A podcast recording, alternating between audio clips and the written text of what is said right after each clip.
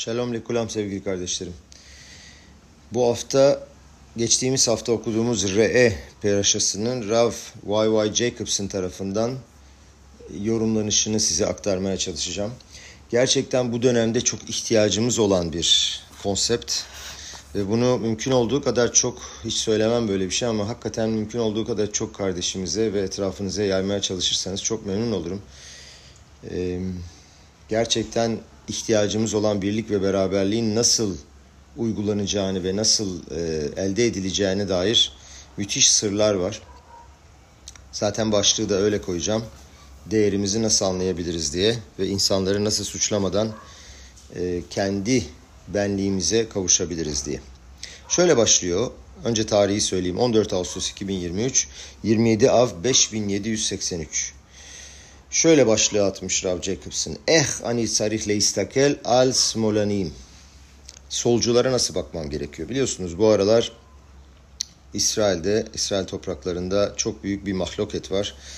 E, reforma mişpati dediğimiz adalet reformunun destekleyenler var. Ona karşı olan solcular var. Onu destekleyen sağcılar var. Sürekli gösteriler oluyor.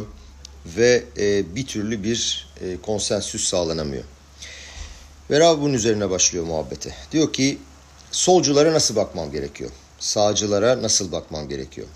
Adalet reformuna karşı olanlara veya adalet reformu destekleyenlere karşı bakış açım nasıl olmalı diyor. Acaba bugün bir ayrılma, kırılma ve kopma noktasında mıyız? Hani geri dönülemeyecek noktaya geldik mi?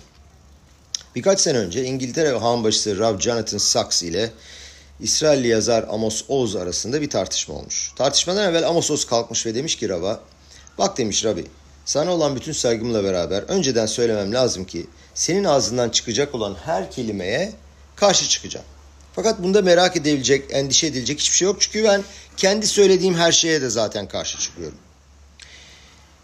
Yahudilerin anlayışı çok karmaşıktır ve hiç de basit değildir. Birkaç sene evvel Rabbi Miluboviç'ten şöyle bir soru duymuştum diyor Rab. Niçin bir Yahudi diğerine Shalom Aleichem dediğinde aldığı karşılık Aleichem Shalom olur? Yani niçin cevap aynı şekilde Shalom Aleichem olmuyor?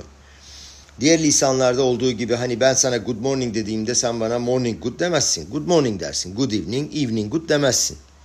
Bu şekilde cevap vermek çok garip olurdu fakat Lashon Kodeş'te, kutsal lisanda, İsrail geleneğinde her gün söylenen şekil budur.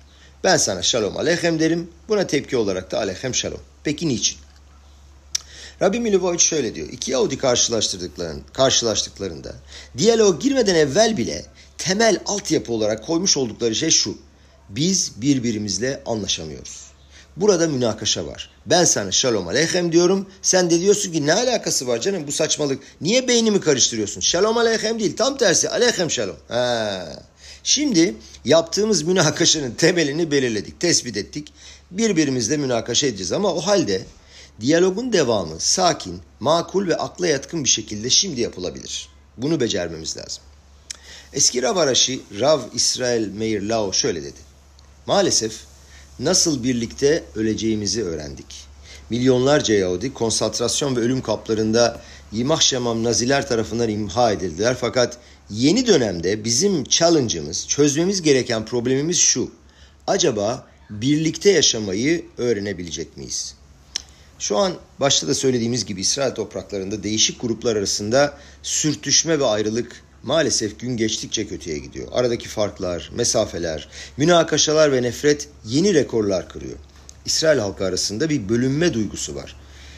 Peki ben acaba öteki tarafa, çünkü öteki taraf her zaman var, öteki tarafa ben nasıl bakmam bekleniyor? Acaba hiçbir vizyon ve beklentisi olmayan bir döneme mi geldik? Acaba birisinin geçenlerde yazmış olduğu gibi nefret ve birbirinden tiksinme o kadar derin ki halkın çeşitli kısımları arasında kesin bir ayrım noktasının önünde mi duruyoruz?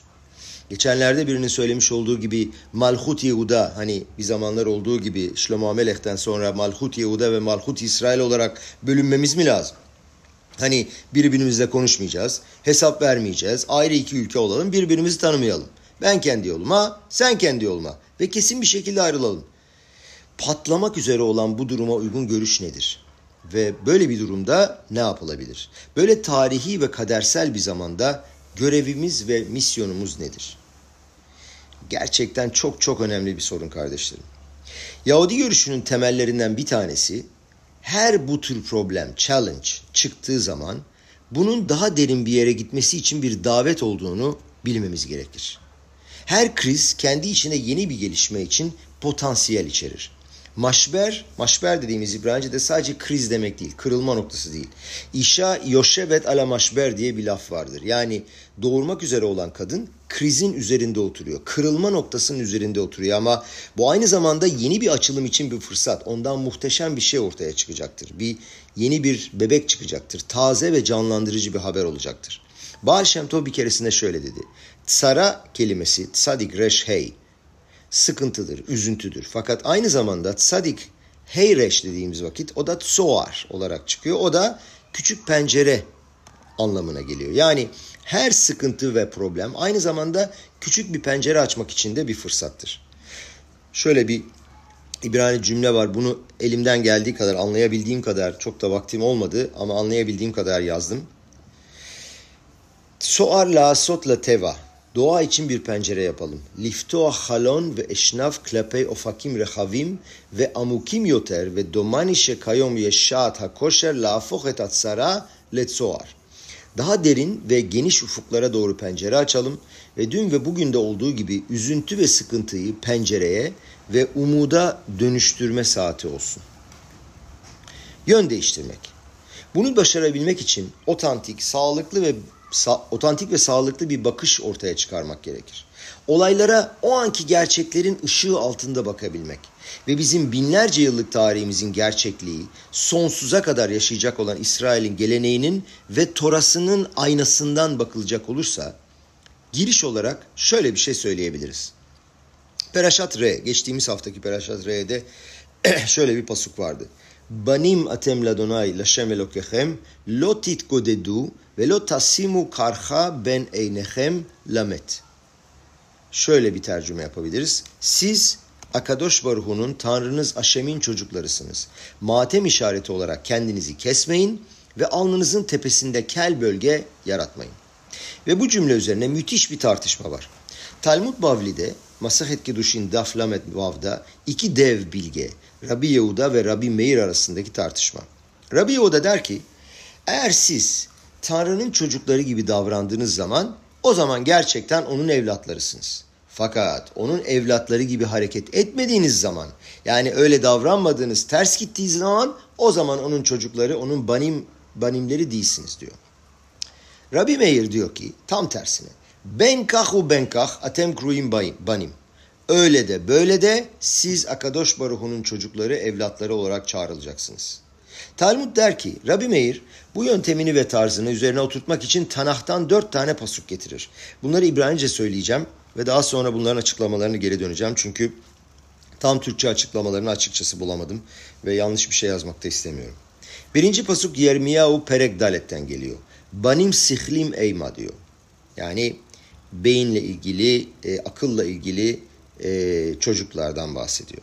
İkinci pasuk Sefer Advarim Lamed Bet Perashat Azinu'dan geliyor. Banim lo emun bam. Yani inançları olmayan çocuklar gibi. Üçüncü pasuk ise Yeşaya o Perek Alef'ten geliyor. Zera mereim banim maşhitim. Dördüncü pasuk ise Oshea Perek Bet'ten geliyor. Ve ayabba makom aşer ya'mer laem lo ami atem ya'mer laem bene kel hay. Gemara sorar. Niçin Reb Meir Tanah'tan dört tane pasuk getirme ihtiyacını duyuyor? Ve Gemara şöyle cevap veriyor. Diyor ki birinci pasukta diyor ki olabilir ki diyor bazen kız çocukları ve erkek çocukları aptal olabilirler. Zekaları çok yerinde olmayabilir. Ve zihinlerinde bazı problemler olabilir. Fakat bu halde olmalarına rağmen yine de Tanrı'nın çocuğu, oğulları ve kızları olarak adlandırırlar. Yani aptalca ve delice şeyler yapsalar bile, yapsalar bile oğul ve kız olarak kalacaklardır. İkinci pasuk. Peki eğer oğlum isyan ederse, aldatırsa, onlarda o zaman emuna yani inanç eksikliği vardır. Onlar anne ve babaya inanmıyorlar. Bunun üzerine halka da inanmıyorlar. Ve bunun sonucunda ne yapıyorlar? Onları aldatıyorlar. Hainlik yapıyorlar. Maşhit. Anne ve babayı aldatıyorlar. Onlar da hala peki onlara hala oğul olarak e, seslenebilir miyiz, çağırabilir miyiz? Ne diyor bu arada Paraşıt Azinu'da? Banim lo emumbam. Tanrı diyor ki onlarda inanç eksikliği varsa bile, onlara bu anlamda güvenmesek bile onlar yine bizim evladımız olarak kalacaklardır. Okey, bunu da anlayabiliriz. Fakat eğer başka tanrılara taptılarsa, avoda zara yaptılarsa yani sadece anne babayı aldatmıyorlar fakat öyle bir hainlik yapıyorlar ki bizden nefret edenlerin taraflarına geçiyorlar bu sefer. Onlar sadece evi terk edip başka yerler aramakla kalmıyorlar. Kelimenin tam anlamıyla başka tanrılara tapıyorlar. Avoda zara yapıyorlar. Peki o halde onlara da oğul evlat demek akla sığıyor mu? Nasıl olabilir böyle bir şey? İşte buna karşı üçüncü pasuk getiriyor Reb Meir Yeşayahu'dan. Diyor ki isyan edip yozlaşmış, yozlaştırmış, yakıp yıkmış olan çocuklar bile olsalar diyor. Onlar benim oğullarım ve evlatlarım diyor. Peki Gemara bu sefer dördüncü bir şey söylüyor. Diyor tamam anladık diyor. Hani yozlaşmış oldular, hain oğullar oldular. Fakat diyor bu oğlanlara, bu çocuklara nasıl yelet tov Yeruşalayim deriz. O zaman onları çağırmayalım. O zaman onlara iyi, tatlı, hoş, sevgili çocuklar demeyelim. Hani onlar bizlere keyif ve rahatlık veren, mutluluk veren çocuklar değil ki. Zeyeladim maşhitim. Onlar yozlaşmış çocuklar. Buna karşılık dördüncü pasuk geliyor. Beney kelhay. Ne diyor dördüncü pasuk? Hemen bakalım. Oşea. Veyaya bamakom aşer yamer lo amiyatem. Siz benim halkım değilsiniz deseler bile öyle demeyeceksiniz. Yamer lahem bney kelhay. Yani yaşayan ben öyle anladım. Yaşayan Tanrı'nın çocukları diye anladım. Şimdi e, yani diyor ki onlar yaşayan Tanrı'yı yansıtıyorlar. Akadosh Baruch diyor ki maase ya da leitpar. Onlar diyor benim elimden çıkmışlar. Ben yarattım onları. Nasıl onlardan vazgeçerim diyor.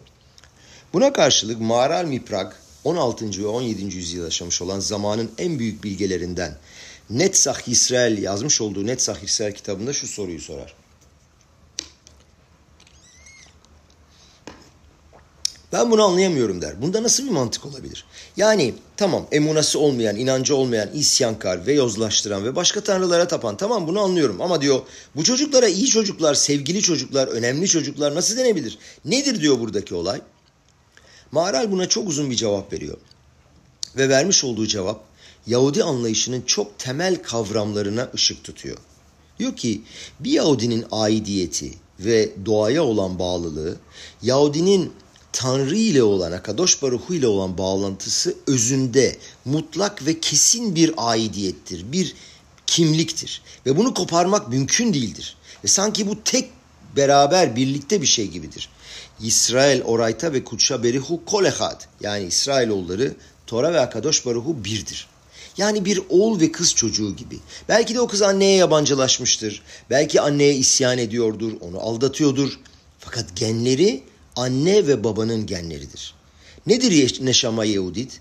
Hasidut, Kabala ve etik kitaplarında yazılı olduğu gibi Helek Eloka Mimal. Göklerdeki Tanrı'nın bir parçasıdır. Baal Atanya der ki insan ruhu, neşaması Helek Eloka Mimal Mamash. İngiliz Amerikalı dedi ki memesh kesinlikle mutlak sonsuzluğun bir parçası veya akışı gibidir diyor. Yapışıktır, tanrısal bir parçadır. Tanrısallığa kesinlikle bağlıdır ve çok özeldir. Yahudi yaşaması için hatta şöyle söylenir. Havuka udvuka bah toenet ulah yehida leyehadah. Bunu şöyle ben Google'dan bakarak biraz translate ettim ama gerçekten çok zor bir cümle. Bakarsınız öğrenirsiniz. Diyor ki kalbinize sarılın ve birbirinize yapışın ve birbirinize olan talebiniz her zaman çok özeldir diyor. Demek oluyor ki Yahudilik benim bir şeylere inanmam, öğrenmem, yapmam, yapmamam değil. Tamam bunlar çok önemli şeyler ama diyor bunlar diyor Yahudinin özüyle ilgili deyişlerdir, söylemlerdir. Yahudinin özü nedir? Banim atem Hashem elokechem. Siz Akadosh Baruhu'nun evlatlarısınız. Sanki sen babanın bir parçasısın. Baal Shem Tov, Reb Sadia Geon yoluyla şunu söylüyor. Diyor ki, Etsem ata tofes be miktsato, ata tofes be kulo. Bir parçasını tutmuş olman sanki hepsini tutmuş olman demektir. Çünkü ben göz rengimi değiştiremem. Ben ruhumun rengini de değiştiremem. Her Yahudide bir ruh vardır. Bir neşama vardır. Nedir neşama? Tanrısallıktır. Yani sonsuzluğun bu dünyaya akışıdır. Mağarar şöyle diyor. Akadosh Baruhu Bahar be İsrail be etsem lo bişvil masegem atovim. Yani Tanrı İsrail'i iyi hareketleri ve eğilimleri için, eylemleri için değil. Tanrı İsrail'i özü itibariyle, benliği itibariyle, içi itibariyle seçmiştir. Tanrı'nın istediklerini yaptıkları için onlar Yahudidir. Bu yüzden onları seçti demeyin. Onun isteklerini yapmadıkları zaman onlar artık Yahudi değildir. O zaman onları seçmedi diyemeyiz. İsrailoğulları onun tanrısallığını kabul etmedikleri zaman da onları seçti. Çünkü bu seçim kardeşlerim özünde bir seçimdir. Bu mutlak bir yapışmadır ve birlikteliktir.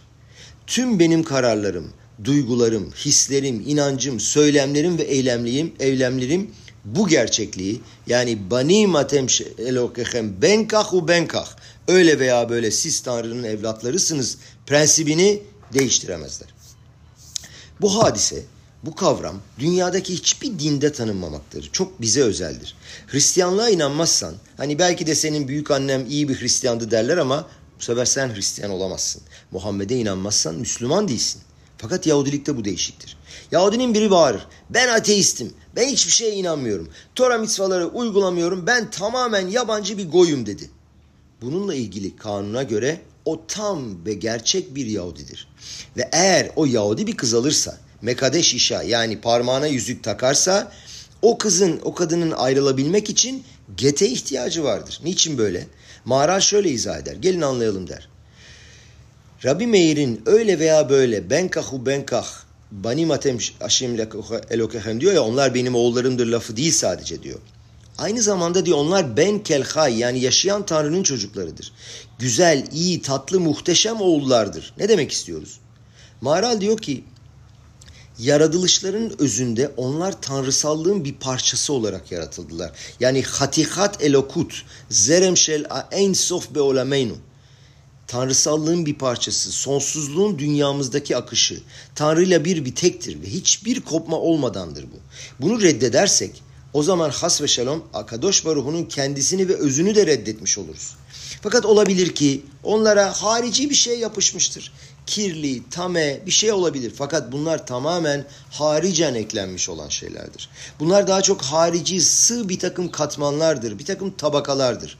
Fakat onlar iyi insanlardır. Saf insanlardır. Tamam avodazara yapmışlar, yabancı tanrılara tapmışlar. Çünkü gerçekte kim olduklarını bilmiyorlar. Eğer kim olduğunu bilse bu tip şeylerle uğraşmaz. Bütün günah ve hata meselesi kendi hakiki gerçekliğine yabancılaşmış olduğu için olmaktadır. Maral buna göre enteresan bir şey söylemektedir. Garip bir şey buldular. Diyorlar ki Tora'da ilk Yahudi ile ilgili biyografi yoktur. Kimdir ilk Yahudi? Avraham Avinu. Peki niçin Akadosh Baruch Avraham Avinu seçmiş? Doğduğun yerden git, babanın evinden ve sana göstereceğim yere git, leh lehaniye demiş. Niçin Avraham Avinu? Midraş'ta birçok sebep var fakat Tora'da Avraham Avinu'nun yapmış olduğu daha önce veya yapmamış olduğu bir şeyle ilgili hiçbir hatırlatma yoktur. Tora birinci Yahudi olarak seçilmesini ve Yahudi milletini sonsuza kadar ayakta tutabilmesini desteklemesi ve veya tasdik etmesi için herhangi bir emuna, mesirut nefeş, hani e, kendini ortaya koyma, neemanut ve felsefe ortaya koymamaktadır. Herhangi bir sebep gör vermemektedir. Mesela buna karşılık Noah'ta bir tür biyografi var. Noah matsahem beyne Haşem, Tanrı'nın gözünde beğenilmiştir. No, bu, e, elle toldot Noah, bunlar e, Noah'ın nesilleridir, hikayesidir. Noah sadik tamim aya bedorotav. Noah kendi nesline sadık ve saftı, temizdi. Böyle laflar var. Moşe Rabenu için seçilmeden önce bir sürü hikaye anlatılmıştır. Kendini feda etmesi ve inancıyla alakalı. Yosef Atsadik ve Shmuel Navi bunların kim olduklarını üç aşağı beş yukarı biliyoruz. Fakat ilk Yahudi olan Avraham Avino ile ilgili hiçbir biyografi yok. Ve Maral şöyle bir sebep ortaya koyuyor. Diyor ki eğer Tora Avraham Avinu'nun karakterini neslin en kutsal ve en sadık adamı olduğunu izah edebilmek için ve anlayabilmek için bazı yönlerini ortaya koysaydı o zaman basit Yahudi diyecekti ya diyecekti ben de bu özellikler bu avantajlar yok. Ben ne biçim bir adamım o halde anlaşıldığı kadarıyla ben Yahudi değilim diyecekti. Yahudi şöyle düşünecekti eğer Tanrı Avraham Avinu'yu yapmış oldukları için seçmiş olsaydı eğer benim bu iyi davranışlarım, iyi eylemlerim yoksa ve diğer bir Yahudinin böyle iyi davranışları eylemleri yoksa o zaman Tanrı onlardan bıkacaktı. Maral diyor ki bu düşünce şekli kesinlikle diyor doğru değil. Akadosh Baruhu'nun Yahudileri seçimi özleri itibariyledir. Kendi temel benlikleriyle alakalıdır. O yüzden Haşem demiştir ki Banim atem Haşem elokehem lotit godedu. Ne demek lotit godedu? Kenaanlı kabilelerde eskiden şöyle bir gelenek vardı. Birisi öldüğü zaman kendi derilerinde kesikler yaparlardı. Derilerini yüzerlerdi. Lotit godedu bu. Kendilerine zarar verirlerdi. Maral diyor ki siz diyor Akadosh Baruhu'nun evlatları, oğulları, kızları olduğunu anladığınız zaman vandalizm, tahrip etmek söz konusu olamaz.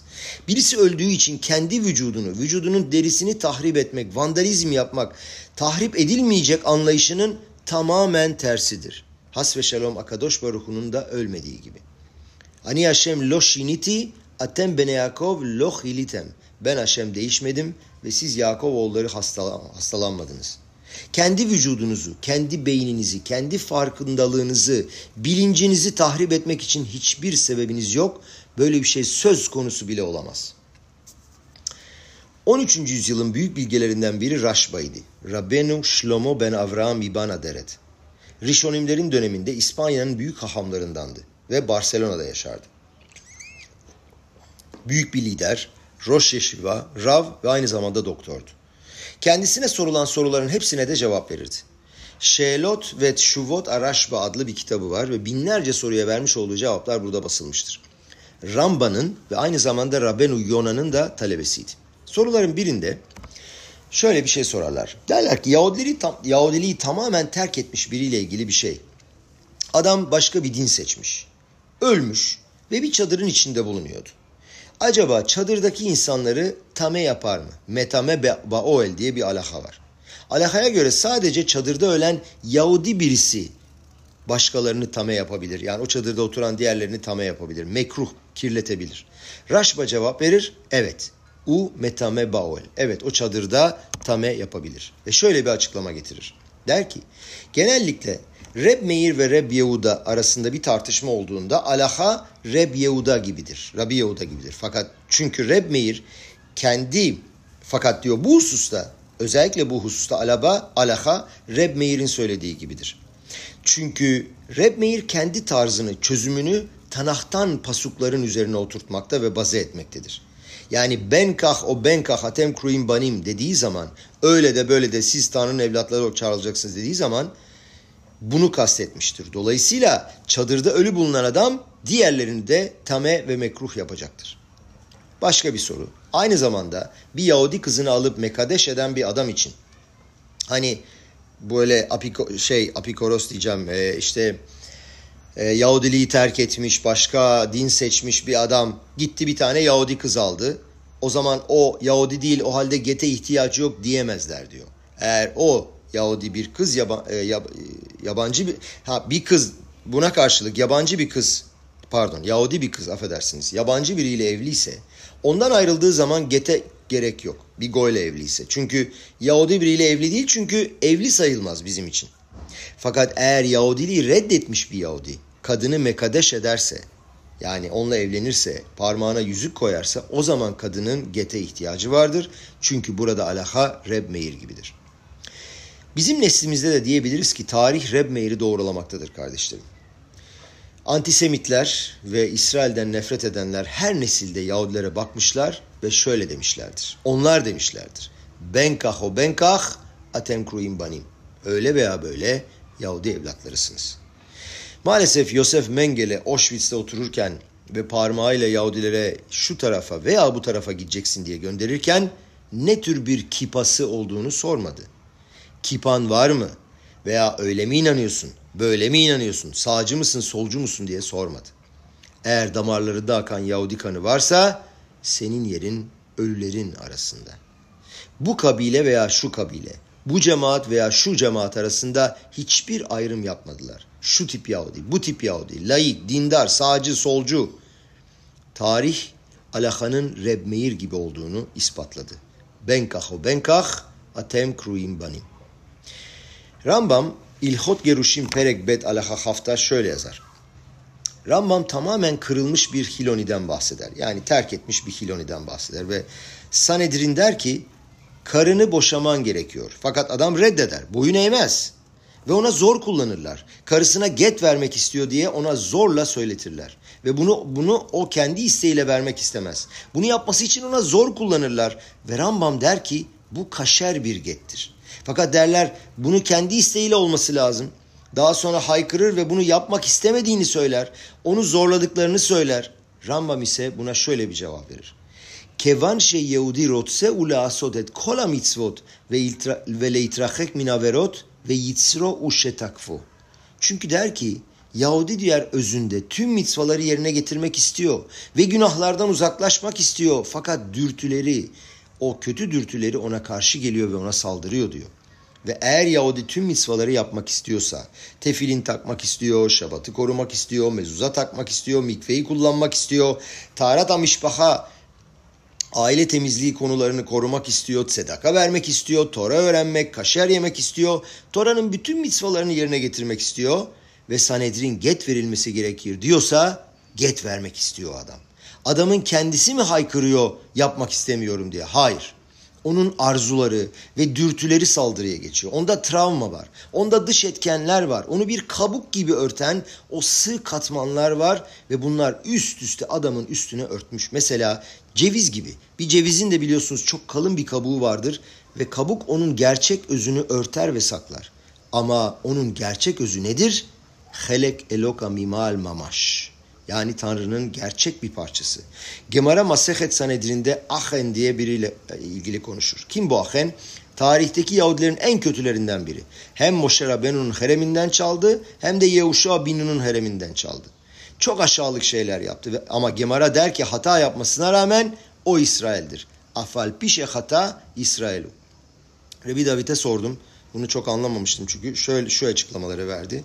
Ahem ben Karmi'ymiş bu adamın adı. Yahuşua Yeriko'ya herem koydu. Yani her, e, Yahuşua e, Yeriko'ya gitmemesini söyledi. Fakat buna rağmen Ahen Herem'den faydalandı. İsrail Ay şehrinde hizmete uğrayınca Yahuşua Haşem'e sitemde bulunuyor. Ve Haşem der ki İsrail hata. Urim ve Tumim'e başvuruluyor ve sonuçta Ahem ben Karmi'nin suçlu olduğu anlaşılıyor. Ve bu olaydaki Haşem'in mesajı şöyle. İsrail hata yapmış olsa bile yine de İsrail'dir. Çünkü Helek Elokam maaştır. Ahen sadece Yerho değil, Moşe'nin savaşlarda kullanılan hereminden de faydalandığını itiraf etti. Ve Hazot ve Hazot Asiti. iki ayrı zamana işaret ediyor ve dolayısıyla orada da yaptı bunu. Fakat bütün bunlara rağmen onun gerçek özbinliği ve lahen ahur atale olamaze ve ahut aleh demiştir. Rambam onun içinde tüm mitzvaları yapmak istediğini söylüyor. Mümkündür ki gerçek özbenliğinin farkında değildir. Rambam'ın muhteşem bir mektubu var. Rabbi Moshe ve Maimon İgeret Aşmaat adında. Ve diyor ki her Yahudinin bilmesi gerekiyor ki bu Yahudi dininin ana temeli ve prensibidir. Hepimizin bunu çok iyi bilmemiz gerekiyor diyor. Yeravan ben Nevat yani Shlomo Amelech'ten sonra işte o başta bahsettiğimiz Yehuda ve İsrail kabilelerinin ikiye ayrılması Shlomo Amelech'ten sonraki e, Yeravam e, yok e, Rehavam Yehuda ve sanıyorum Yehuda ve Menaşe kabileleri iki, iki kabile Yehuda ile beraber kalıyor. Diğer on kabile e, Efraim kabilesi ve Efraim kabilesinin lideri Yeravan ben Nevat liderliğinde ayrılıyorlar. Ve diyor ki Yeravan ve çok kötü şeyler yapıyor gerçekten. İnsanları putperestliğe e, zorluyor. Yeruşalayim'e kimsenin çıkmasına izin vermiyor filan falan. Ve e, onun için bile diyor ki Nifraim mimeno al asiyata galim al bitul irof tavşilim. Ne demek asiyata galim? Yeruvan ben Nevat halkın Yeruşalayim'e aliyata regel yani çıkmasını önlemek için iki tane altın buzağı yapmıştı. Ve aynı zamanda eruf tavşilin mitzvasını da iptal etmişti. Ve kol averaşe olsa nifraim mimenu aleya. Tüm yaptığı günahların hesabı soruldu ve sorulacak. Ondan sorulacak. Ve hol mitzva şeyase mekabel aleya sahar. Ve tüm yaptığı mitzvalar için ödül aldı ve alacak. Rambam böyle şöyle, söyle söyle. Diyor ki niçin bu dinin en önemli prensibi ne? Niçin benim senin hepimizin bilmesi lazım ki Yerevan ben Nevat Yom Şişi Yom Tov günü Eruf tavşilin yapmadan kugel pişirmiş olduğu için ceza alacak. Şimdi bunun tabii bir takım bir takım e, şeyleri var, kuralları var. Çok detaya girmek istemiyorum ama e, Yom Tov Eref e, Yom Şişi'ye geldiği zaman ve e, ondan sonraki gün hem Yom Tov olduğu için, e, bayram olduğu için ve Şabat olduğu için yemek pişirilecekse Eruf Tavşilin diye bir sistem var. Onu yapmak lazım. Ve bunu yapmadan evvel yemek pişirirseniz, kugel pişirirseniz mesela o zaman bunun bir averası var. Bir günah işlemiş oluyorsunuz. Diyor ki şey Yerovan Benavat bu kadar putperestlik yapmasına rağmen, bu kadar halkı günaha sürüklemesine rağmen böyle bir basit gibi görünen diyelim bir mitzvayı ihlal ettiği için ceza alacak ve bu ceza alacağı prensibini de vurguluyorlar. Rabbi Mülüvoviç'ten bir keresinde şöyle bir açıklama duymuştu diyor Rabbi. Acaba diyor arkadaş Baruch'un umurunda mı? Herkese bütün Yahudi halkına hata yaptırmış olan, onları yabancı tanrılara tapmaya zorulan, Yeravan Benevat gibi raşa birisinin Yom şişi eruf tavşilin yapmadan kugel pişirmesi diyor şaka gibi sanki bu. Söyleyin bana diyor. Tora'daki tüm yasakları çiğnemiş, bütün günahları işlemiş olan birisi eğer birkat Amazon duasını yapmadan evvel may maharonim yapmazsa, elini yıkamazsa bunun için ceza mı alacak? Tanrı'nın umurunda mı bu ya diyor. Veya Rabbenu tam tefilin takmadığı için. Bu mudur diyor problem. Adam diyor zaten çürümüş, yozlaşmış, her türlü kötülüğü yapmış, perişan. Yerevan ben Nebat İsrail tanrısından o kadar uzaklaşmış ki tamamen bir yabancı haline gelmiş. İstediği kadar kugel pişirsin.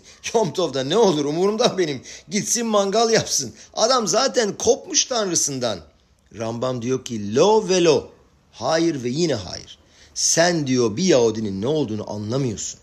Bir Yahudi kendisi istese bile tamamen kopamaz. Yahudi kopamaz. Çünkü Yahudinin ne olduğunu ve kim olduğunu anlamamız lazım.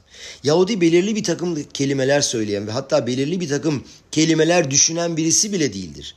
Yahudi helek eloka mimal mamaştır. Yahudi Tanrı'nın bir parçasıdır. Bani matem Hashem elokehem demiş. Dolayısıyla yom şişi, yom tov, eruf tavşilin yapmadan kugel pişirirse evet Tanrı'nın kendi büyüklüğüne ve onuruna ve yüceliğine dokunur ve onun pişirmesi bile Tanrı'nın yom tovunun keduşasına zarar verebilir. Muazzam olaylar korkunç olaylar. Fakat bize Akadosh Baruhu'nun her birimizi ne kadar umursadığını ve hepimize ne kadar çok değer verdiğini gösteren olaylar bunlar. Ve o her birimizi ne kadar çok sevdiğini gösteriyor. Her bir Yahudinin kutsiyetinin, keduşasının Tanrı'nın göz bebeğine kivyahol ne kadar dokunduğunu belirtir.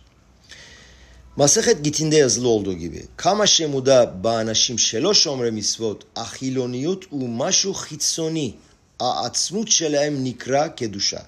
Şimdi hiloniyut e, lafının ne olduğunu anlamak lazım. Diyor ki Tora ve mitzvaları korumayan kişiler ne kadar bilincinde olmasa bile diyor hiloniyut harici bir şeydir. Ama onların özleri aslında keduşadır.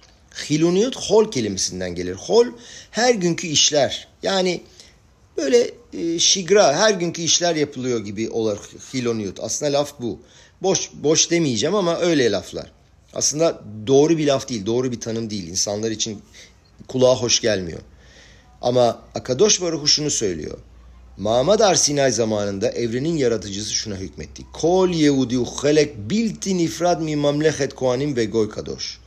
Her bir Yahudi diyor ne olursa olsun diyor e, o kadosh e, halkın ve Kohenlerin krallığının bir ayrılmaz bir parçasıdır. Keduşa Yahudi'ye sonradan eklenmiş bir şey değildir. O Yahudinin öz benliğidir. Atsmiyuto şela Yahudi. İstese de bundan ayrılamaz. Kurtulamaz. Üzerinden silkip atamaz. Rebbe nasıl diyor? Ben kahu ben kah atem kruyim banim. Baal Atanya, Sefer Atanya'da tarihten fevkalade bir ispat getiriyor. Bunu bugüne kadar görüyoruz aslında. Hiç dindar olmayan insanlar çok büyük sınavlara tabi tutuyorlar bazen ve takılı kalıyorlar. Ve bunlar bazen savaş, bazen dehşet anları ve hiç de onlarla alakası olmayan düşünmediğimiz bir zamanda birdenbire inanç dünyasına sarılıyorlar. Çünkü Yahudi kimliğinde, özünde, benliğinde iyidir. Kodeşe kodeşimdir, kutsalların kutsalıdır. Fakat maalesef eğitim yüzünden, bu dünyada başlarına gelen bazı olaylar yüzünden, başka bir takım sebepler yüzünden Yahudi onda olan güzelliğin, mükemmelliğin, tanrısal kutsiyetin ve sonsuzluğun farkında ve bilincinde değil. Rabbi Simcha Mipşitz bir keresinde mükemmel bir fikir ortaya atar. Bani matem eşam el diye yazıyor. Masehet Roşan'a Dav Hevhey'de şöyle yazar. Rabbi Yehoşua bir keresinde Yom Kippur'im'in gününü Roş Sanedrin Raban Gamliel'in karar verdiği günden bir gün sonra olacağını hesap eder. Raban Gamliel böyle düşünmesine rağmen e, Rabbi Yahuşua'nın düşündüğü gün yani kipur olduğunu düşündüğü gün hareket etmesini, asasını, bütün eşyalarını sanki hani kendi düşündüğü kipuru ihlal edecek gibi olacağını bile bile alıp gelmesini ister. Ve bu yüzden Rabbi Yehoşua bunu düşününce hani kipur gününde bunları yapıyorum. Niye? Çünkü Roş Sanedrin bunu benden istiyor. Depresyona girer. Fakat Rabbi Akiva onu teselli etmek için şöyle söyler. Der ki bak Emor Peraşası'nda üç kere yazıyor. Elle muade aşem mikrae kodeş aşer tikreu otam be muadam. Şimdi buradaki otam kelimesi vav olmadan yazıldır. Yani alef, taf, mem. Sefer Tora'da bildiğiniz gibi nokta yoktur. Dolayısıyla bunu otam diye okuyabileceğiniz gibi atem diye de okuyabilirsiniz. Yani elle muade aşem mikrae kodeş aşer tikreu atem be muadam. Yani siz tespit edeceksiniz zamanları, kodeş olan zamanları e, bütün sene boyunca. Üç kere yazıyor, üçünde de vav yok. Dolayısıyla üç kere de atem diye okunabilir. Ve buradan öğreniyoruz ki Hodeşi yani Roş Hodeşi siz yani biz tespit ediyoruz. Senede olup biten zamanları siz tespit ediyorsunuz. Buna siz karar veriyorsunuz. Atem istemeden hata yapanlar bile yani şogegim. Atem afilu mutayim yanlışlık hata yapanlar. Atem afilu mezidim hatayı bilerek yapanlar bile. Ve Beddin hataya düşmüş olsa bile diyelim ki e, Roş Hodeşi tespit etmek için iki tane şahit gelirdi ve o iki tane şahit kafası karıştı onların ve Roş doğru olmayan bir günde tespit ettiler. Şahitler ayı ne zaman gördüklerine istinaden yalan söylediler. Öyle bile olsa Alaha'ya göre Roş Hodeş'tir. Şogegin bile olabilirler. Hata etmiş olabilirler. Mezidin bile olsalar dün ayın olması gerektiği bir görünmediğini biliyorlardı. Diyelim ki biliyorlardı. Fakat çeşitli hesaplar yaparak halkın iyiliğini düşünerek şöyle bir karar verdiler. Ve Tora diyor ki üç kere atem. Afilu şogegim. Afilu mutayim. Afilu mezidim. Reb Simcha diyor ki burada otam diye yazıyor fakat alef tav mem şeklinde yazıldıkları için atem olarak okunabilirler. Yani banim atem la şemelokefem diye yazıldığında peruş nedir? Oradaki atem var ya o atem. Afilu şogigim, afilu mutayim, afilu mezidim olsa bile diyor atem kmoşe atem, banim atem. Siz diyor benim evlatlarımsınız. Siz her zaman benim çocuklarımsınız ve hiçbir ayrım yoktur. Mezid olabilirsiniz, bilerek yapmış olabilirsiniz, şogek bilmeyerek hata yapmış olabilirsiniz fark etmez. Yine benim evlatlarımsınız diyor. Rabbi Moshe Cordovero'nun Tomer Dvora adlı bir kitabı var. 1570 yılında ölünmüştü ve en büyük ve en önemli mekuballerden biriydi. Sıfat'taki meşhur Arizal'ın Rabıydı. Bu kitabın perekbetinde şöyle yazmıştır. ירגיל אדם עצמו להחליט אהבת בני אדם לליבו, אפילו רשעים, כאילו היו אחיו, ועד שיקבע בליבו אהבת בני, אהבת בני אדם, כולם אפילו הרשעים יאהב אותם בליבו. הוא יאחל מי ייתן וחיו הם צדיקים שווים לתשובה. Yani şöyle tercüme ettim bunu da kendi anlayışıma göre. Adam diyor başka bne adamları kalpten sevmeye kendini alıştırmalıdır. Kötü adamları bile kardeşiymiş gibi sevmelidir. Tüm insanları kötü bile olsalar kalpten sevmeyi öğrenene kadar ve bunu fixleyene kadar, bunu artık kesinlikle tespit edene kadar. Balatanya, Rabbi Zusha'dan duyduğu kadarıyla, o da abisi Rab Elimelech'ten duymuş, bir keresinde gece yarısıymış. Ve Rab'ı Magid Mimezriç'ten faydalanmış. Ve diyor ki, Magid odasının kapısını açıyor ve Rabbi Elimelech'i odasına içeri sokarmış. Ve demiş ki ona, bak demiş, Gan Eden'de göklerdeki yeşivada ne konuşuluyor duydun mu demiş. Aynı Rabbi Moshe Cordoveron dediği gibi avat İsrail sadiki raşa gibi sevmektir demiş. Yani İsrail'i gerçekten sevmek e, kötü bile olsa adam sadik gibi onu sevmektir. Ve bu bütün nesiller boyunca doğrudur ve aynı bu şekilde olmuştur. Ve kardeşlerim bizim kendi neslimizde de bu ne kadar da çok doğrudur. Baala Hazoniş, meşhur Hazoniş, son nesillerdeki en büyük Tora bilgelerinden biri ve hasit değildi diyor meşhur bir litayiydi. Kendi kitabında yazdığı gibi Hilonilerin çoğu diyor şu anda Tinokot Şenişba olarak tanımlanmaktadır. Yani suçsuz olan, isteyerek yapmayan bir tanım diye koyabilirsiniz bunu. Ve Rambam Tinokot Şenişbu hakkında şöyle yazar. Der ki bu insanları, bu bilmeyenleri, e, bilgisi olmayanları, onları diyor barış yoluyla çekmek lazım. Sevgiyle, güzel ve tatlı şeylerle. Bugün diyor açık seçik ortada olan görünen mucizeler yok diyor. Peygamberlerin ve büyük bilgelerin zamanında olduğu gibi değil. O zamanlar şhinanın ve mucizelerin ortaya çıkışı çok daha fazla oluyordu.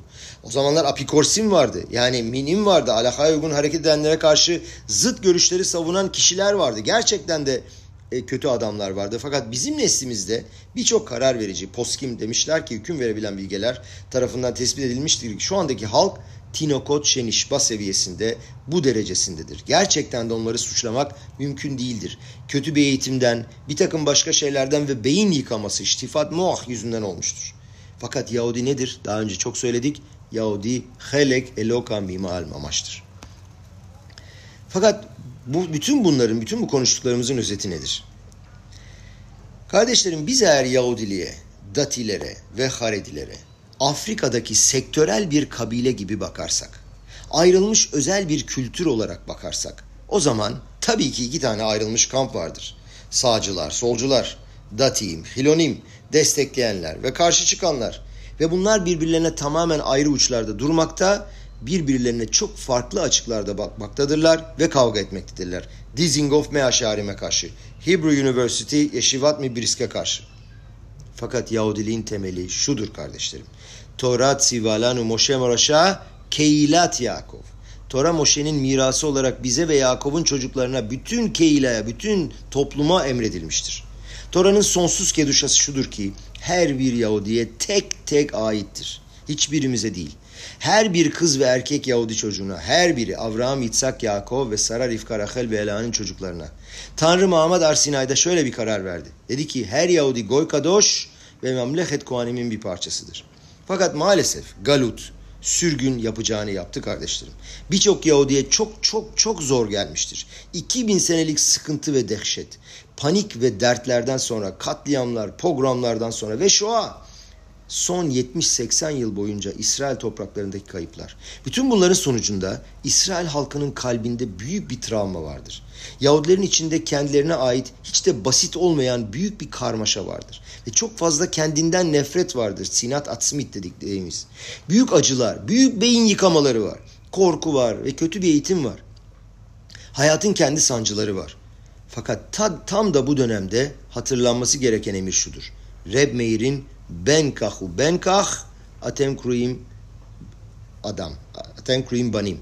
İsrail orayta ve kutşa berihu kulo ehat. İsrail, Tora ve Akadosh Baruhu'nun hepsi birdir.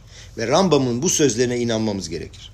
Her Yahudi Sanedrin'e karşı haykıranlar bile, bağıranlar bile İsrail'in bir parçası olmak istiyorlar ve aslında tüm mitzvaları yapmak istiyorlar. Günahlardan uzaklaşmak istiyorlar fakat dürtüleri, yetserleri onlara karşı saldırıya geçiriyor.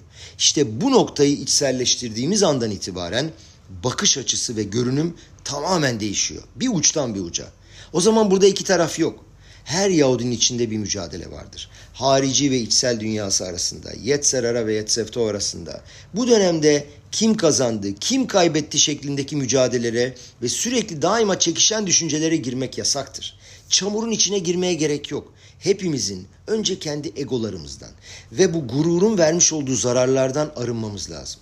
Bu dönemde bu zamanda verilen emir Tanrı'nın gerçek çalışanları köleleri olmaktır. Aramızdaki bağlantı ve ilişki başka her şeyden çok daha önemlidir. Özellikle de bu dönemde sorumluluk Tora ve mitzvaları koruyan Yahudilerin üstündedir diyor Raf. Kendi çevresinden bahsediyor. Ama bizim için de bence Tora ve mitzvaları koruyan Yahudilerin bu işleri biraz bilenlerin kesinlikle böyle bir misyonu var. Eğitim görmüş, öğrenen ve öğreten Yahudilerin üstünde daha çok sorumluluk vardır. Tora'nın bütün öğrettiklerini sevgiyle uygulamak onların sorumluluğudur. Hayatlarını Tora'nın emrettiği şekilde yaşamaya vakfedenler. Tora öğrenimi ve İsrail halkını yakınlaştırmaya çalışmak, gözlerini açmak ve karşındaki Yahudinin içsel gerçekliğini görmek ve onu kucaklamak kardeşlerim. Sadece Tanrı korkusuyla temiz, saf ve bir İsrail sevgisiyle. Bugünkü zamanın emri yönümüzü değiştirmektir ve Yahudileri Yahudiliğe yaklaştırmaya başlamaktır. Ve her birimizin, inanın her birimizin bir etkisi var. Bizim bunu kullanmamız ve bunu değerlendirmemiz gerekir. Ve Yahudi, Yahudileri yaklaştırma görevinin sadece herhangi bir kuruma, işte şu kuruma, bu kuruma, bu akıma ait olmadığını söylemenin zamanı gelmiştir. Her bir Yahudi, bu her bir Yahudi'ye yer verilmiş olan zamanımızın bir emridir. Bugün bütün nefret ve tahrik ve panik e, ve korkudan ileri gelmektedir bu maalesef. İsrail'in torasından, İsrail'in dininden, İsrail'in halkından, kendinden nefret etmekten bundan oluşan bir korku. Ben İsrail'de yaşadığım zaman da görüyorum bunu. Yani o Haredilere böyle bir bakış açısı var ki e, başka işte başka e, Hilonilerin diyeceğim aman işte yaklaşmayalım, ona bakmayalım, bunu etmeyelim filan böyle bir tukaka muhabbeti var ki kesinlikle çok çok üzülüyorum. Böyle bir şeye gerek yok. Böyle korkulara gerek yok. Hiç, hiçbiri e, alien değil.